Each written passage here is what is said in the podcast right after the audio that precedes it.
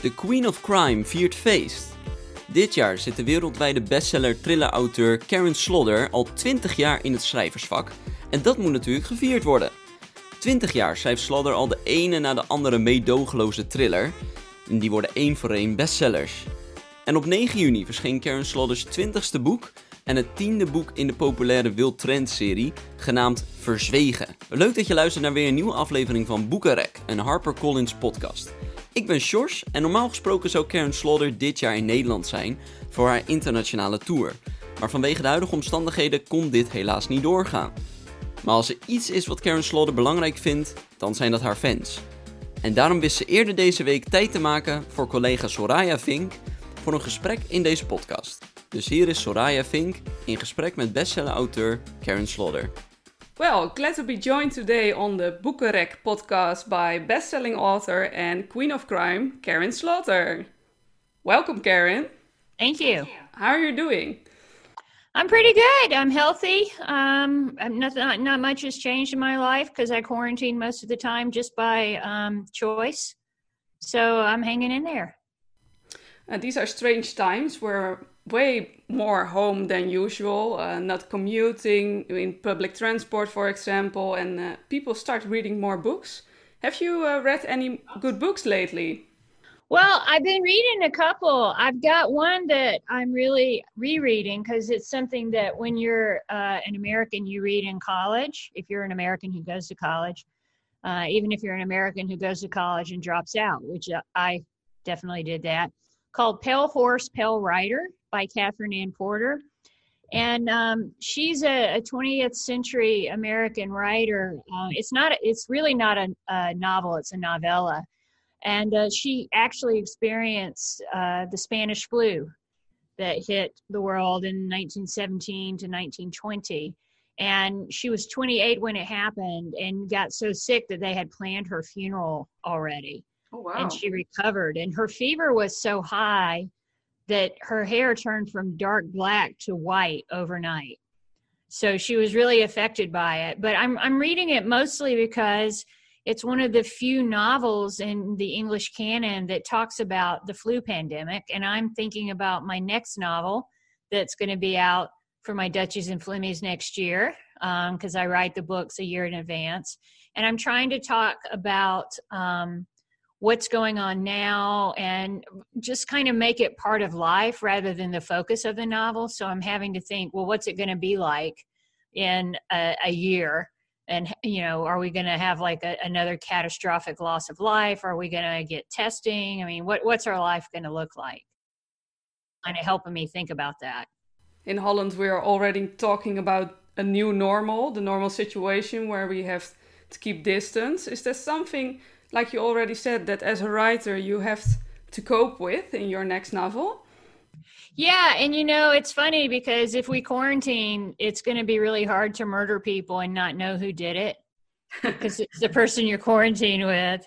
Uh, but I think that a lot of my friends who are writers, and maybe because you're a writer, maybe you're considering this, just what it what it's going to look like. Because I write very realistic novels, and I want to put it in the context of reality. And in some ways i'm kind of being a um, a futurist in predicting what our lives will be like. And i think the best way to predict the future is look at the past. You know what was it like then?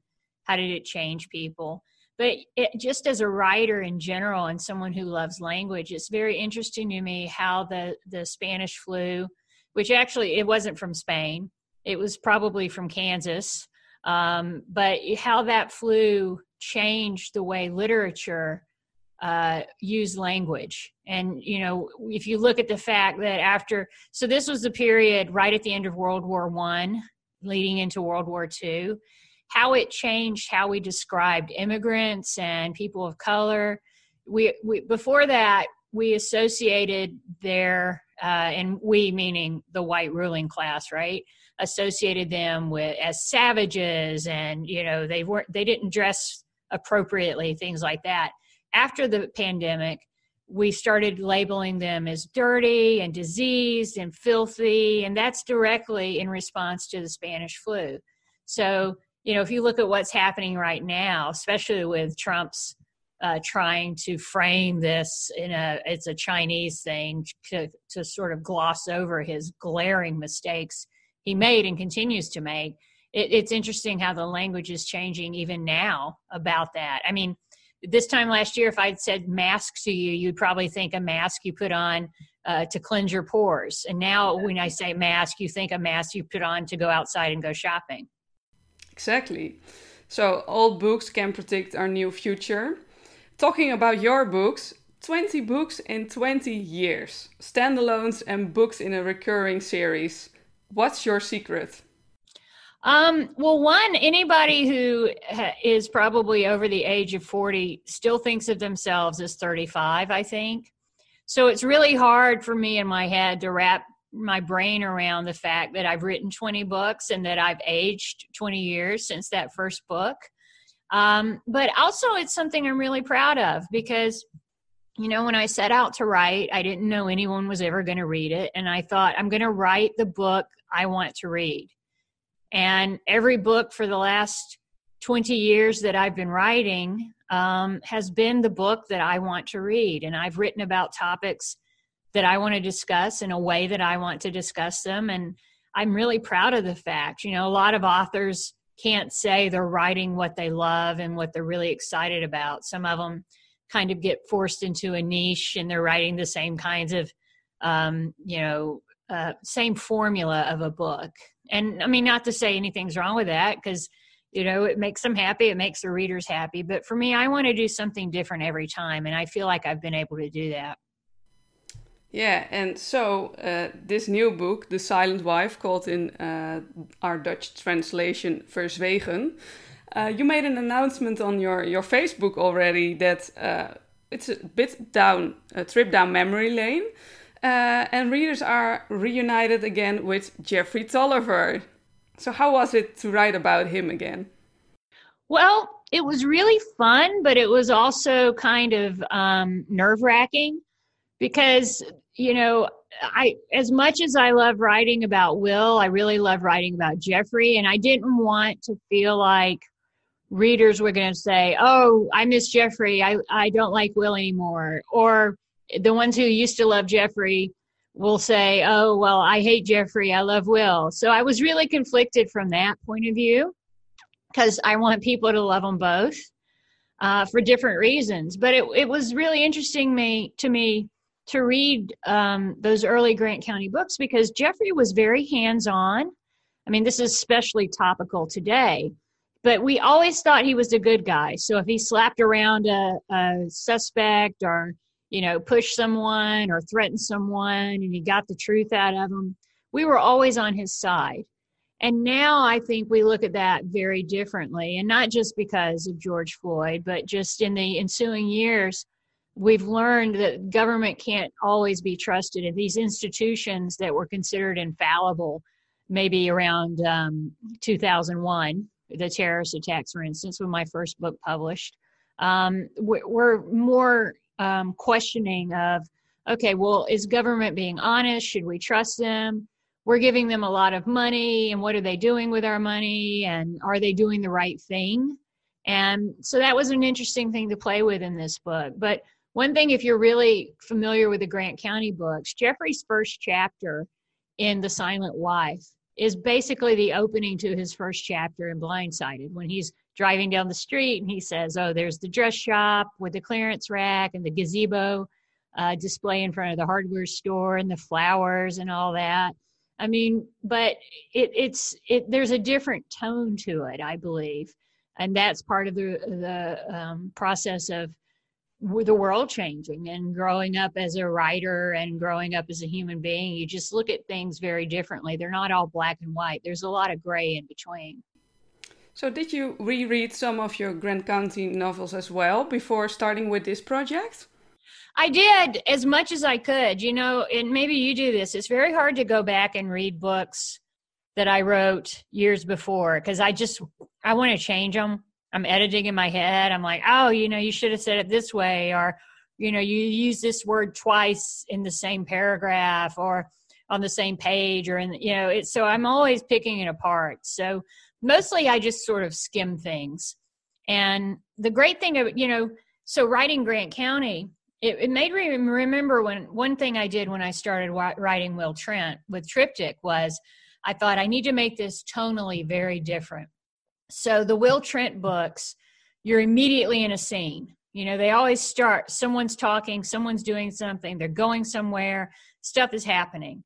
But with Grant County, it's like here's what this building looks like here's what the furniture looks like here's the floor you know all of that scene setting is very different. And it really helped me write this book the silent wife because it gives you a differentiation between even if you're not aware of it between the grant county chapters and the will trent and sarah chapters. So talking about uh, characters you love or you hate uh, Lena is making also an appearance in this novel. Yes. So how was it to meet with her again? You know, she Lena is a, always great fun to write because she's really not going to do what you think she should do. Um, and you know, the thing is, she does she fucks up quite a lot, but she always means well. You know, it's, she's not like Angie. You know, Angie is an anarchist, Will's ex-wife. Angie wants to burn the world down. Lena thinks that she's doing everybody a favor uh, by trying to help.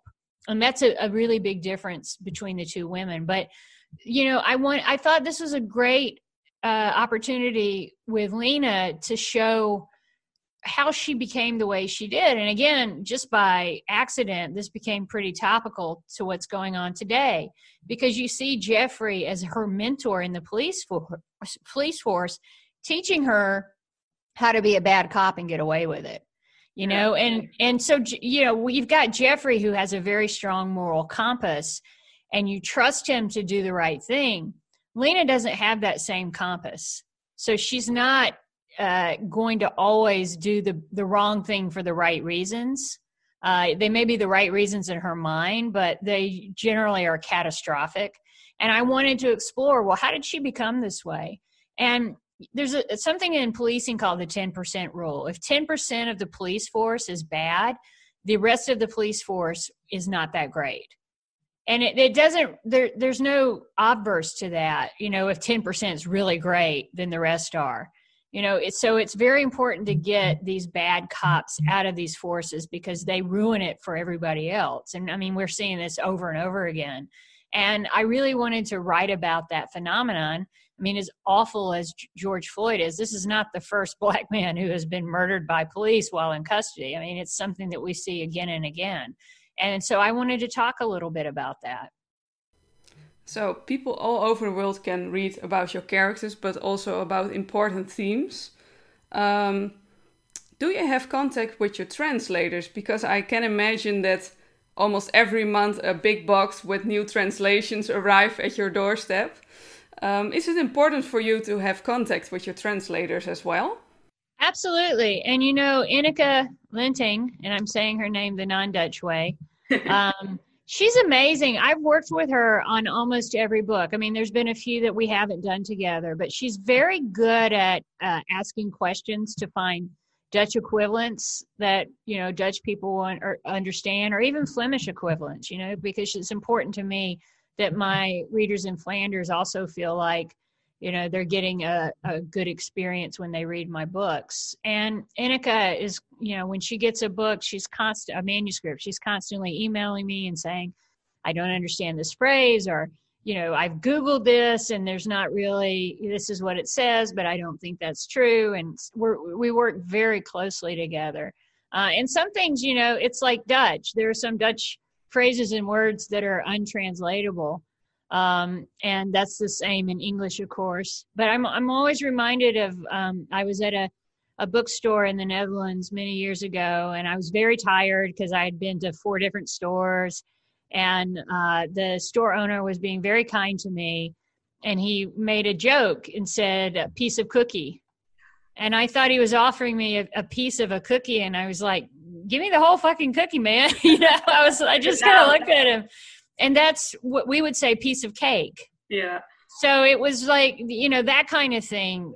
Ineke is really good at making sure that it all makes sense, and my very not just American, but Southern phrases are translated well. Yeah. Well, your nickname is Queen of Crime, and uh, while I posted on my Instagram that I'm talking to you today, uh, one of our readers asked, uh, "Would you like to try something different in the future? Maybe a different genre or different type of novel in form, maybe?" Um, well, you know, I I always think, well, don't you like what I'm doing now? Um, but I think that it, the great thing about crime novels is they're all different types of genres. I mean, you could say I'm writing a love story because of Will and Sarah, or you know, um, what they call chick lit because of Sarah's relationship with her family and her sisters, or uh, you know, some novels are very procedural some are very um, suspense driven, you know, or domestic suspense, which is what they call when a woman writes a suspense novel set in a family. When a man writes it, it's just called suspense. exactly. um, so, you know, it, I write in all different types. I write historical fiction.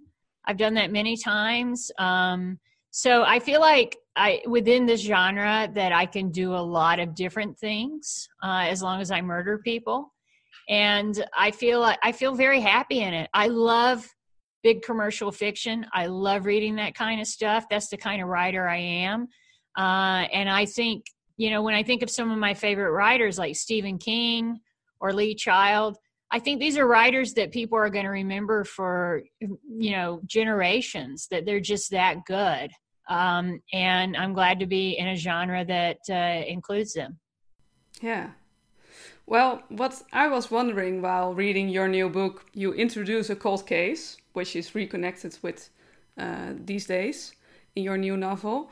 Um, are you fascinated by a certain cold case in American history or maybe world history of crime? Something that you buy almost every book about or watch a documentary about?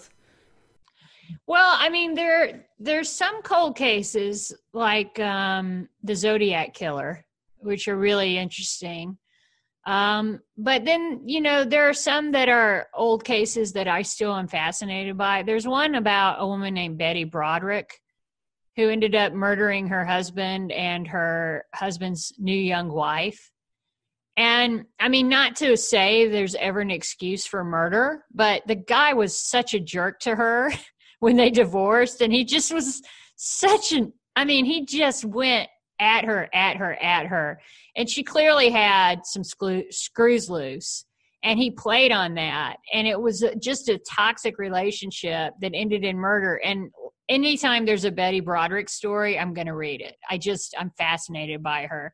And, um, you know, she's still alive. She's still in prison and she still does crazy things occasionally. Um, and she's just really interesting because of that. Um, and I think a lot of people are interested in the Madeleine McCann uh, yeah. disappearance. And I mean, if you think about, I, I I'm I am not one of these people who buys into the conspiracy that her parents did it.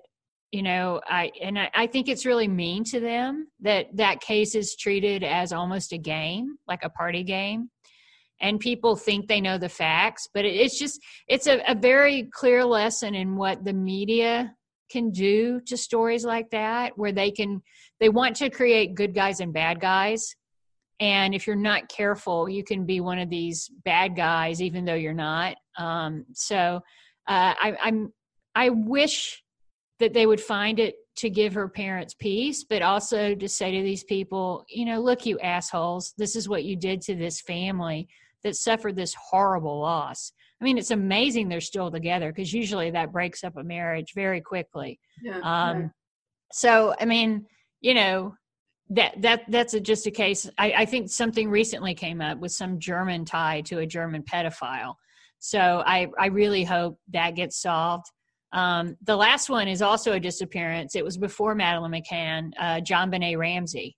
Well, not a disappearance. I'm sorry, a murder of a child.